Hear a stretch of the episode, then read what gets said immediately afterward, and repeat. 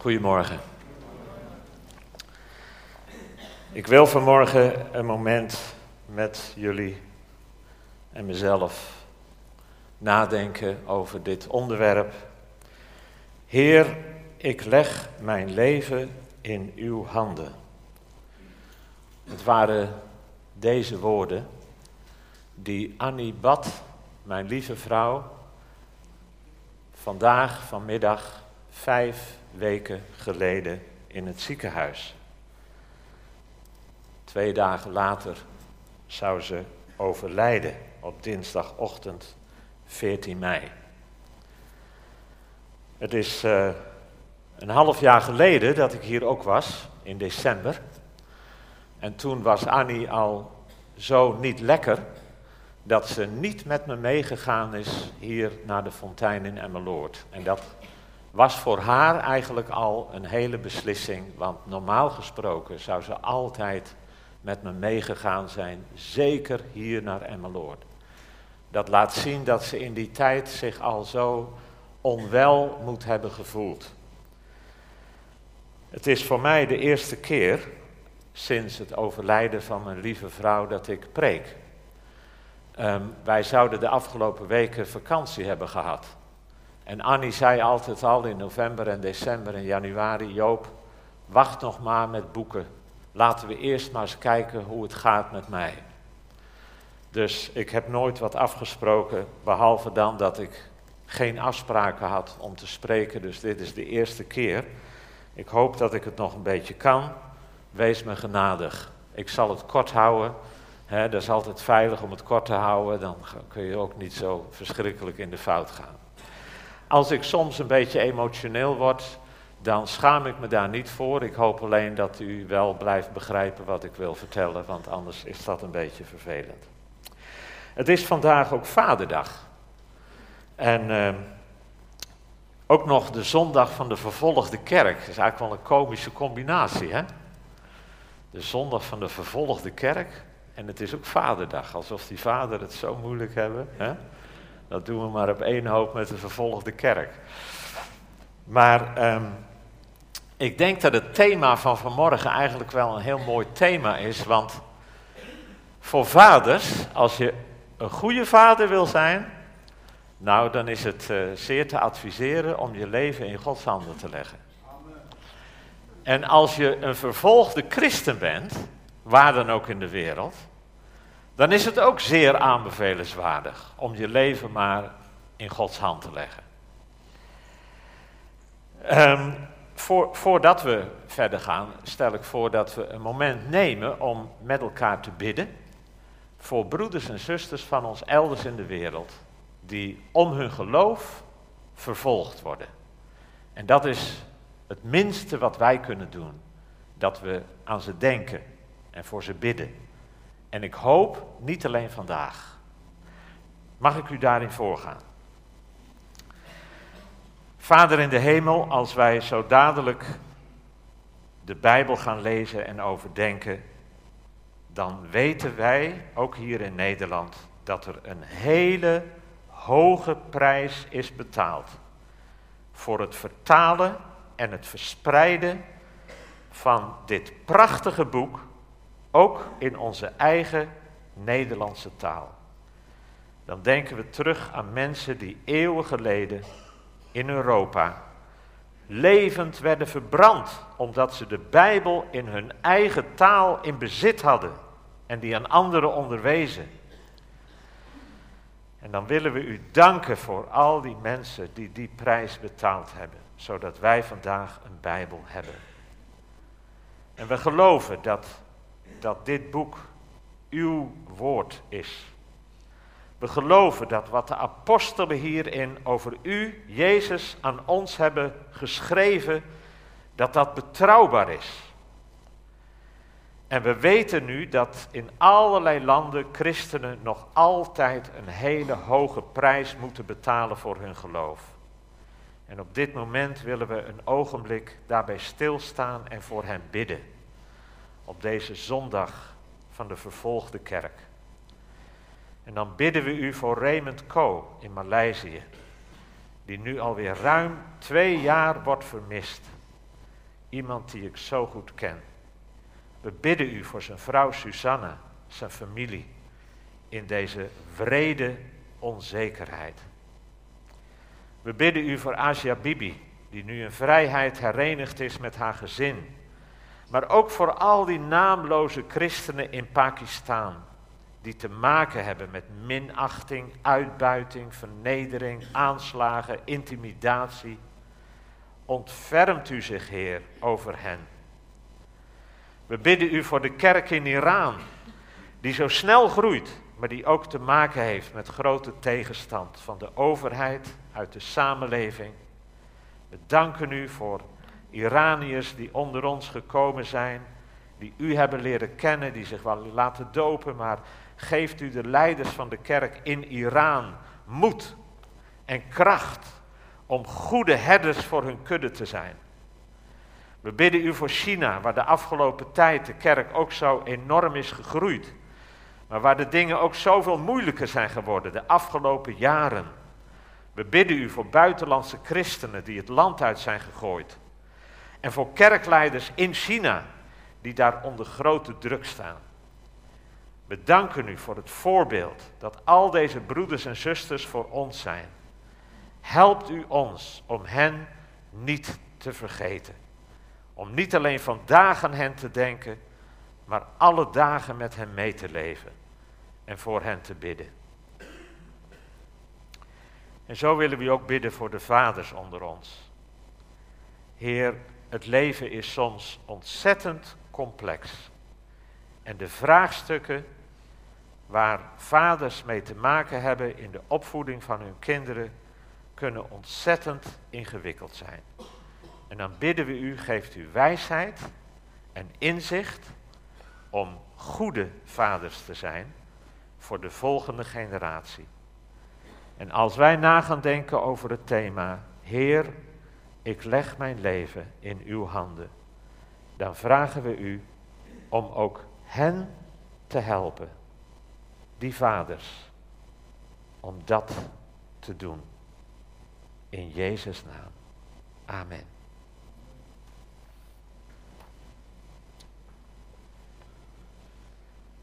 We lezen uit Romeinen hoofdstuk 11 vanaf vers 30 tot het einde van het hoofdstuk, vers 36. En als we dit gedeelte lezen, dan um, ja, is dit een soort van een samenvatting van wat er aan vooraf is gegaan, wat er onmiddellijk aan vooraf is gegaan, maar eigenlijk ook van de hele brief tot hiertoe. En dan lees ik met u in Romeinen hoofdstuk 11, vers 30 zoals ook u immers voorheen God ongehoorzaam was, maar nu ontferming verkregen hebt door hun ongehoorzaamheid. En dan gaat het over Joden en heidenen. Zoals ook u heidenen immers voorheen God ongehoorzaam was, maar nu ontferming hebt verkregen door hun, door de Joden, hun ongehoorzaamheid. Zo zijn ook zij nu ongehoorzaam geworden, opdat ook zij door de ontferming die u, heidenen, bewezen is, ontferming zouden verkrijgen. Want God heeft hen allen, Joden en heidenen, in ongehoorzaamheid opgesloten om zich over allen te ontfermen.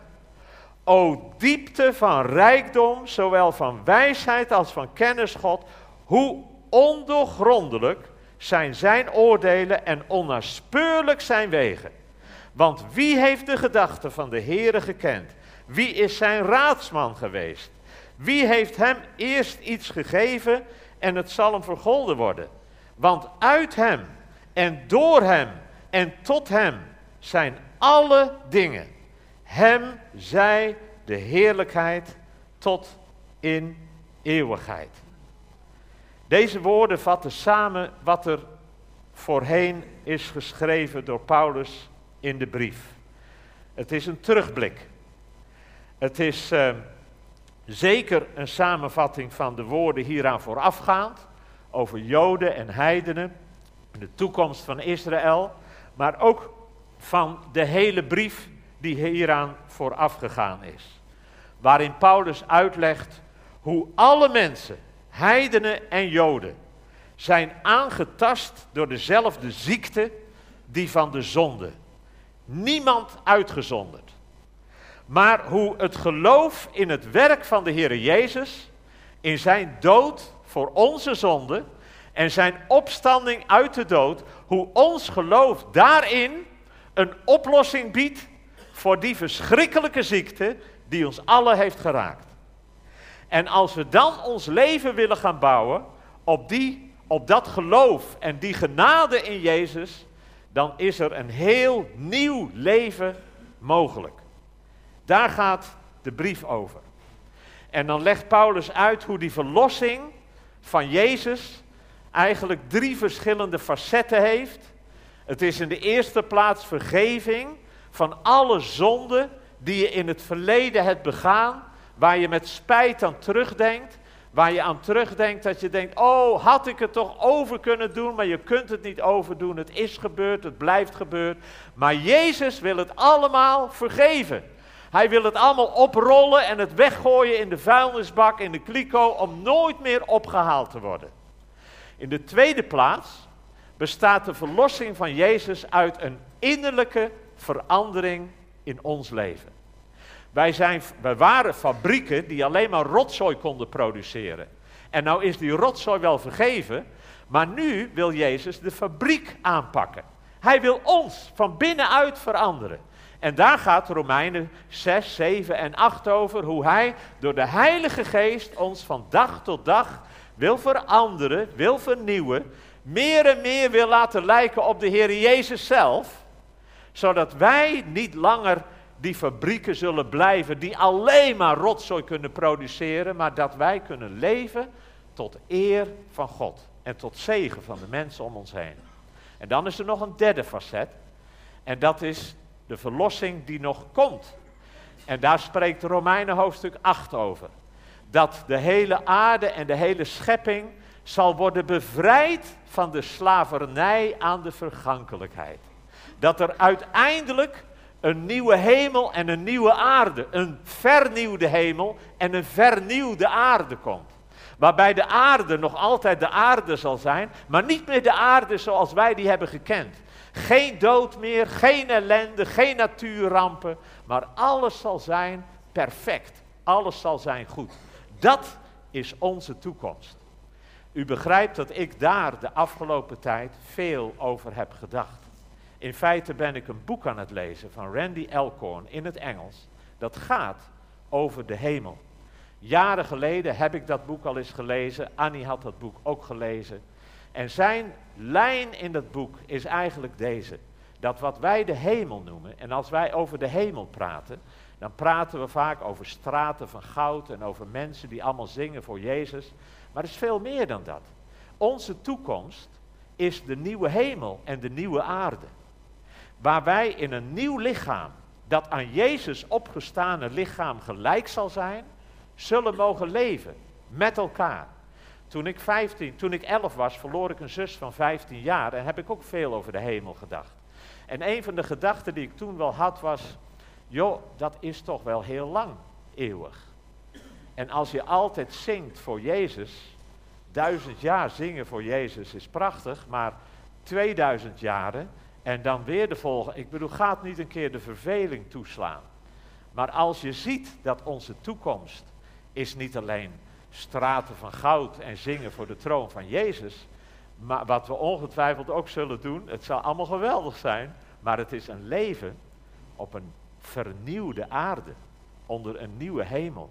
Misschien zal het hele universum wel voor ons ontsloten worden. En dan is er zoveel te onderzoeken, dan is er zoveel te genieten. En dan besef je, dan is verveling er ongetwijfeld ook helemaal niet meer bij. Maar dat is onze toekomst. En dat is de verlossing waar Paulus in de Romeinenbrief over spreekt. En ehm, dan is dit gedeelte een afsluiting van alles wat hij voorheen heeft behandeld. Maar het wordt ook een overgang naar een, de hoofdstukken 12, 13, 14 en 15. Waar hij weer hele andere dingen gaat behandelen. Dan gaat hij praten over allerlei praktische dingen in het christenleven. Zoals onze persoonlijke toewijding of over ons leven als een meelevend lid van de christelijke gemeente, of over het leven als een christen en een goed getuige als christen in de wereld zijn, over het leven als een christenburger tegenover een overheid die niet bepaald christelijk is, zoals de christen in het Romeinse Rijk ervaarden. Over een leven als gelovige in een zondige wereld. Over het leven als een lid van een gemeente, uh, gemeentelid in een gemeleerde gemeente, die bestaat uit Joden en uit heidenen, met alle spanningen die dat met zich meebrengt. Voordat Paulus al die onderwerpen, die praktische onderwerpen gaat behandelen, sluit hij af wat hij heeft uitgelegd met de woorden die we net hebben gelezen. En dan wordt deze samenvatting, deze terugblik, wordt een lofzang op de onvoorstelbare liefde en genade van God voor alle mensen. Voor heidenen en voor Joden. O diepte van rijkdom. Wie is Gods raadsman geweest? Wie had zo'n grote liefde ooit kunnen bedenken? Wie anders dan God zelf? Het was zijn plan. Het was zijn voornemen. Hij kreeg geen advies van derden. Alles is uit hem en alles heeft in hem zijn doel. Sta daar eens eventjes bij stil. God had de wereld kunnen maken. Punt. Het was goed geweest. God had ervan kunnen genieten. En als schepping hadden wij van God kunnen genieten. Zo is het niet gegaan. God had alles wel geschapen en hij zag dat het goed was. Maar toen is er van alles en nog wat gebeurd. De Satan kwam op het toneel. Mensen maakten foute keuze. In tegenstelling met wat God gevraagd had. Rebellie. De relatie met God wordt verbroken. De klad komt erin. Ziekte, dood, verderf. Het was er allemaal niet. Dat komt allemaal op het toneel. De aarde, de hele aarde, wordt onder de vloek van God gelegd. Met alle consequenties van dien. Vervolgens besluit God om in Jezus naar ons toe te komen. Als mens onder ons te wonen. En hij heeft al onze rotzooi op zijn eigen nek gelegd. En de straf die ons de vrede brengt, die was op hem. En zo heeft Jezus in onze plek, in jouw plek en in mijn plek, de straf die wij verdienen gedragen. Hij heeft dat gedragen, hij is gestorven, maar hij is opgestaan. Hij heeft het overwonnen. En nou biedt hij ons aan om hem te vertrouwen, hem te geloven, ons leven aan hem te geven, zodat we delen mogen in de vergeving en de vernieuwing en de verlossing waar ik net van gesproken heb, de vergeving van je zonde, de vernieuwing van binnenuit en de verwachting van een nieuwe hemel en een nieuwe aarde, om daarin te delen. Hij biedt ons aan om tot Hem te komen en daarin te mogen delen. En dan krijg je een hele nieuwe situatie, waarin mensen die hand van God grijpen en dat er straks een situatie is waarbij er een vernieuwde schepping is met allemaal mensen die verloren waren, maar nu behouden zijn. En dat God niet alleen een schepping heeft waarvan hij kan zeggen dat het goed is. Nee, een schepping die verloren was, maar die gered is geworden. En dat is ook voor de Heere God nog veel mooier dan het ooit had kunnen zijn. En vandaar dit loflied van Paulus aan, de, in, in, aan het eind van Romeinen hoofdstuk 11 dat hij zegt, o diepte van rijkdom, wie is Gods raadsman geweest? Wie had dit ooit kunnen bedenken? Dit heeft alleen God kunnen bedenken. Het wordt uiteindelijk allemaal nog veel mooier dan het voorheen is geweest. O diepte van rijkdom, zowel van wijsheid als van kennis van God. Hoe ondoorgrondelijk zijn zijn oordelen en hoe onnaspeurlijk zijn wegen. Wie is zijn raadsman geweest? Wie had dit ooit kunnen bedenken? Ik heb voor haar sterven heel veel met Annie gepraat over van alles en nog wat. Maar ook over het prachtige van het evangelie.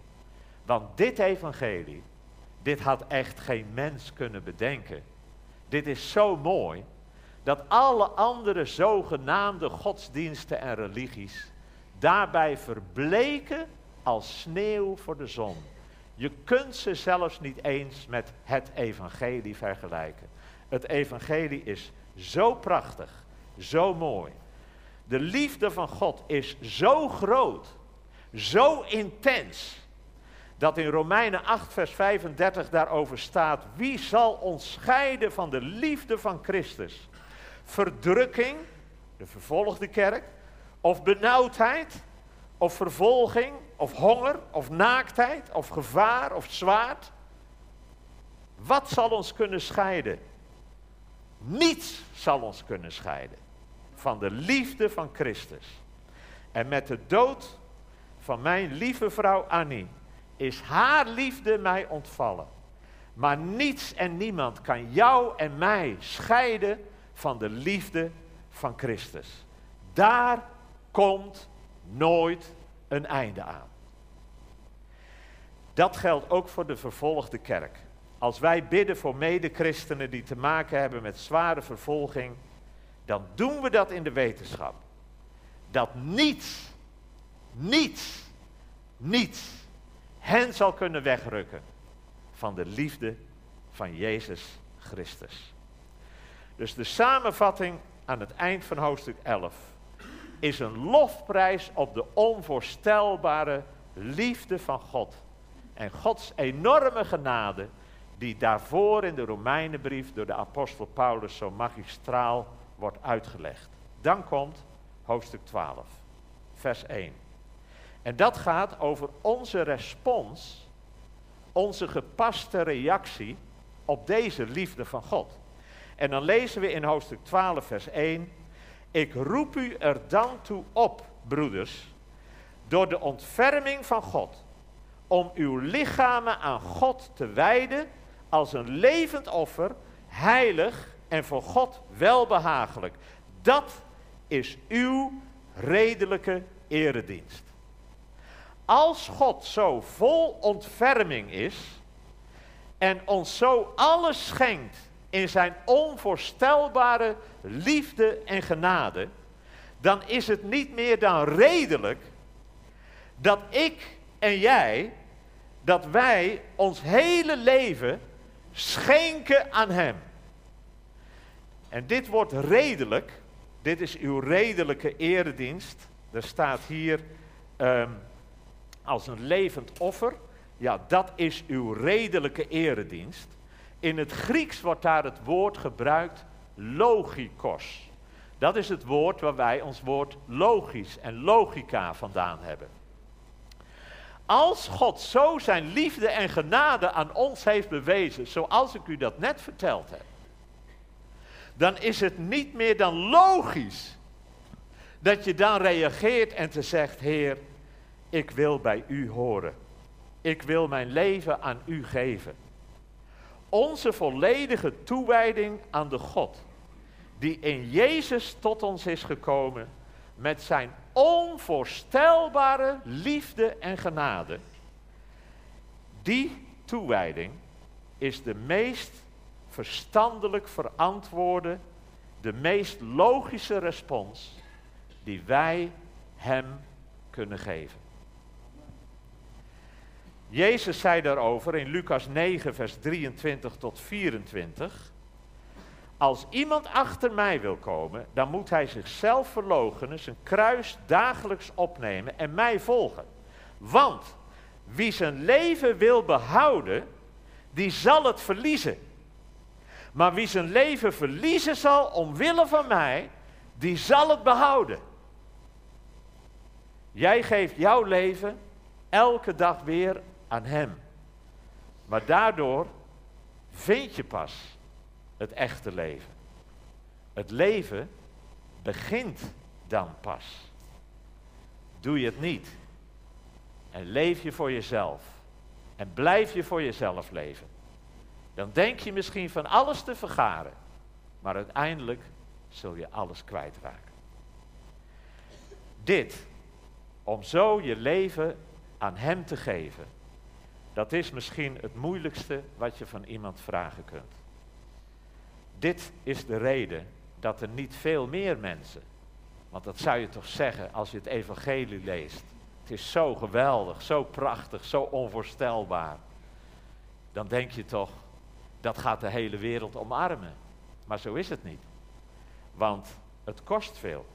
En de duivel maakt ons wijs dat je, ja, dat een leven met Jezus misschien maar heel erg saai is. En dat de wereld pas echt plezier biedt. En dat je nu weet wat je hebt, maar je hebt geen idee wat je krijgt. Geef je zak met centen weg om er een zak met goud voor terug te krijgen. Dat is wat Jezus zegt. Hou je zak met centen, je zult alles kwijtraken. Maar geef het weg en je zult de rijkdom van God in je leven gaan ervaren. Dat je kunt zeggen, jongen, jongen, jongen, dat ik dit vroeger nooit heb geweten. Op zaterdag 16 februari werd Annie opgenomen in het ziekenhuis. In maart vorig jaar kreeg ze een snotneus die maar niet overging. In de zomer zei ik, Annie, je moet naar de huisarts. Het is niet normaal dat je zo lang een snotneus houdt. De huisarts heeft ernaar gekeken en die heeft wat antibioticum gegeven en dat hielp niet. Na de zomer is ze doorgestuurd naar een specialist, een KNO-arts.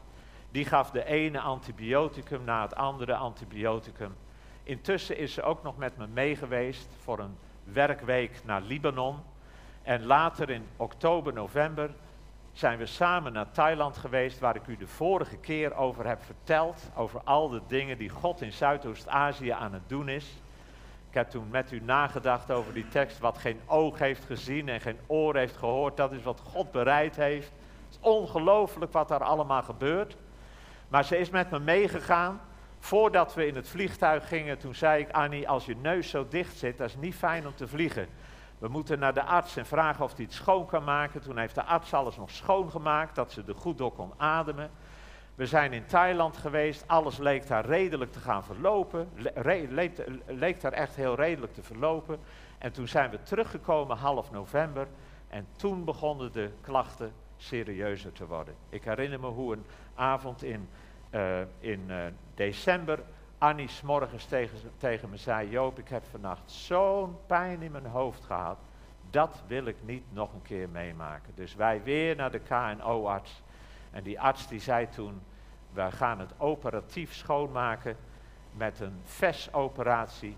U krijgt na oud en nieuw bericht van ons en dan bent u zo snel mogelijk aan de beurt. Het nieuwjaar was aangebroken, we kregen een brief. Annie stond in de planning voor 7 maart. 7 maart.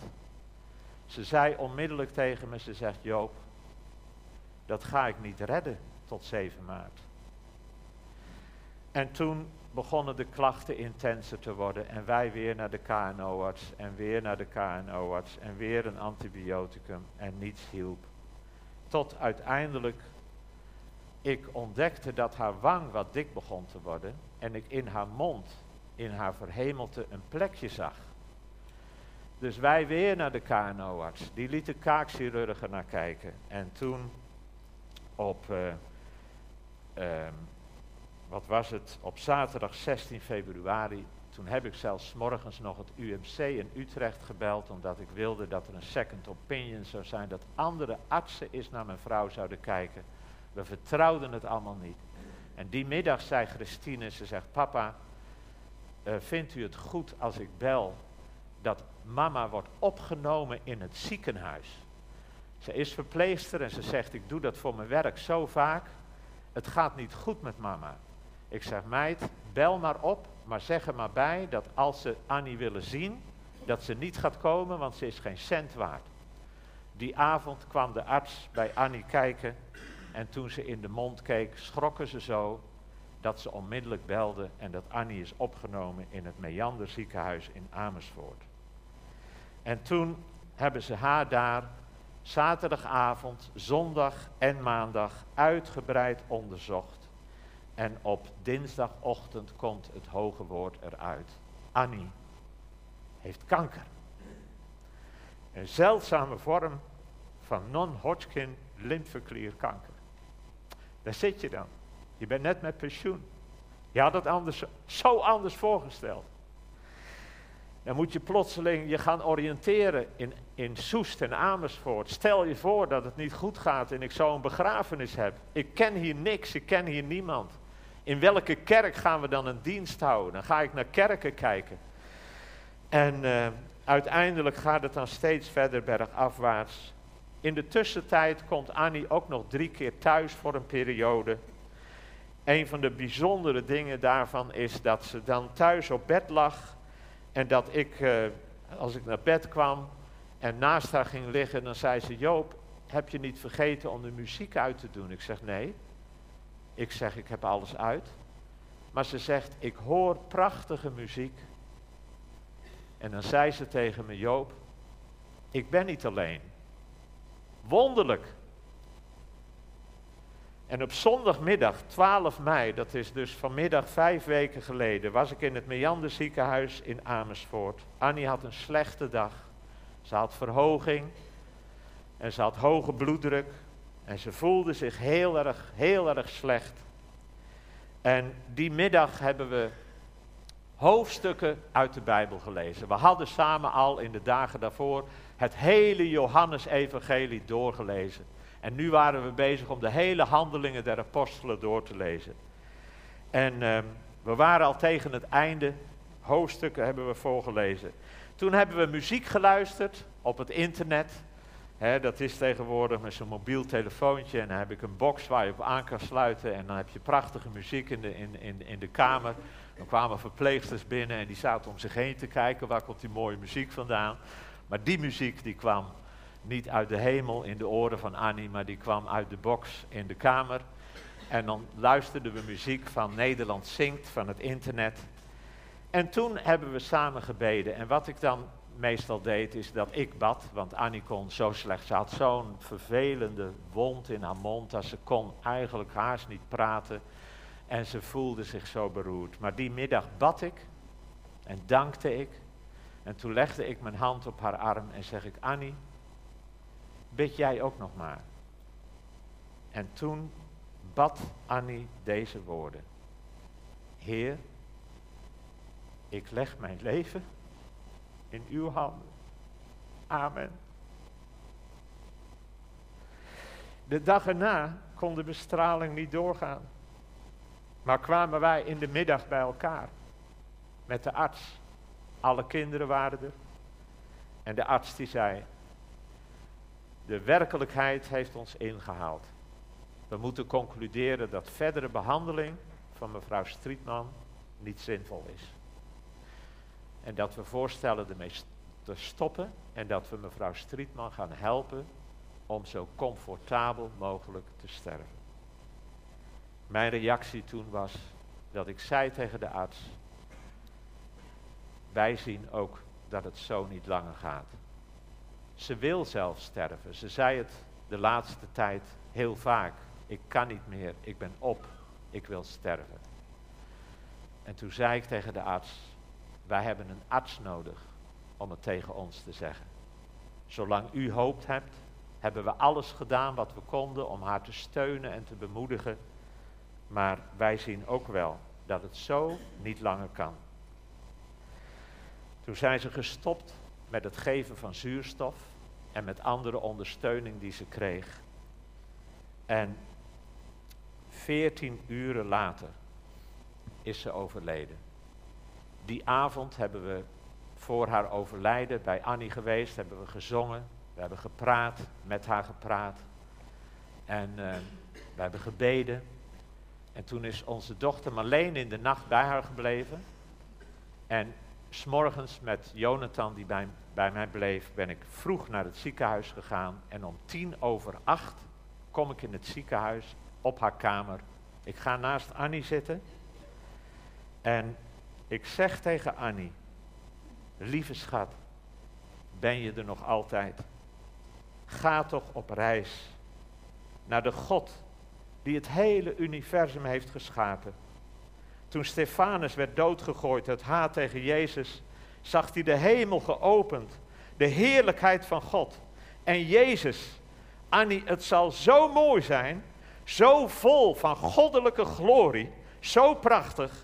En hij, die God, die alles heeft gemaakt, die houdt zoveel van jou, dat Jezus voor al jouw schuld en zonde is gestorven. Ik zal je ontzettend missen, maar de Heer zorgt voor jou, de Heer zorgt ook voor mij. Je hebt al zoveel geleden, Annie. Ga nu maar. Op dat moment stokte haar adem en ging ze heen. Marleen zei later, papa, toen u binnenkwam en ze uw stem hoorde, merkte ik dat haar ademhaling veranderde. Ze had op mij liggen wachten. En toen ging ze heen. Op een treinstation ben jij vrij om de trein te kiezen die je kiezen wil. Helemaal vrij. Er staat geen conducteur bij jou te vertellen welke trein je moet kiezen. Die keus is helemaal aan jou. Maar je bent heel naïef. En je bent heel fataal verkeerd bezig als jij denkt dat al die treinen jij naar, naar dezelfde bestemming brengen. Want dat is niet het geval. En zo is het ook in je leven. Je kunt je vertrouwen stellen op alles en nog wat.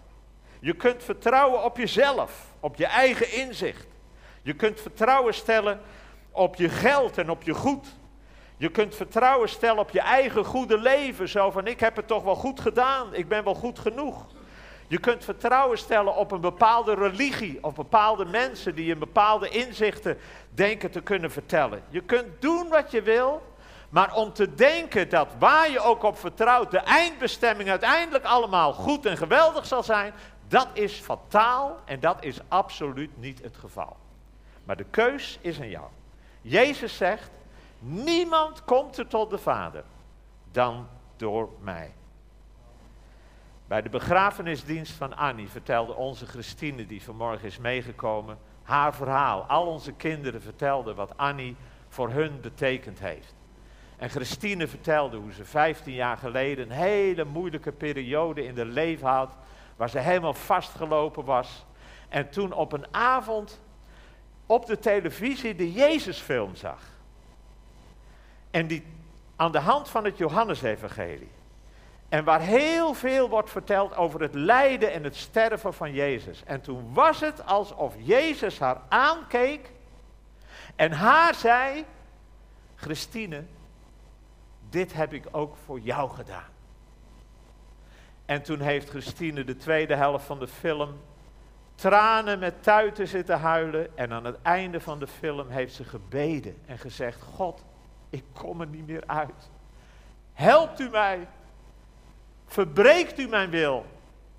En dan denk ik, zo is Jezus vanmorgen en in jouw leven en kijkt je aan en die zegt, al mijn lijden, al mijn sterven, dat heb ik ook voor jou gedaan. En nu is het aan jou om daarop te reageren. En dan zegt Paulus, en misschien dat de muziekmensen vast naar voren mogen komen, dan zegt Paulus, de enige logische respons, denkbaar op zo'n onvoorstelbare liefde van God, dat is dat je je leven als een offer weggeeft aan Hem. En daarom wil ik je vragen, om dat gebed wat Annie bad, vijf weken geleden, net voordat ze deze aarde heeft verlaten. Als je de moed hebt om dat te bidden, om op te staan en het hardop met me mee te bidden. En dat gebed is dit. Heer, ik wil helemaal van u zijn. Ik dank u voor het offer dat u bracht voor al mijn zonden. God gaf zichzelf voor mij. Wie kon dit ooit bedenken? Mijn leven is van u. Heer, ik leg mijn leven in uw handen. Als je zegt, dat wil ik vanmorgen misschien voor het eerst, maar misschien ook dat je zegt, dit gebed, dat bid ik elke dag. Neem elke dag je kruis op en volg mij, zegt Jezus. Misschien heb je het al vaak gebeden, maar als jij vanmorgen zegt, dit wil ik bidden, dan wil ik je vragen op te staan en dit hardop met mij mee te bidden. Zullen we dat samen doen? Heer, ik wil helemaal, laten we het samen hardop uitspreken. Hè? Heer, ik wil helemaal van u zijn. Ik dank u voor het offer dat u bracht voor mijn zonde. God gaf zichzelf voor mij. Wie kon dit ooit bedenken? Mijn leven is van u. Heer, ik leg mijn leven in uw handen. Amen.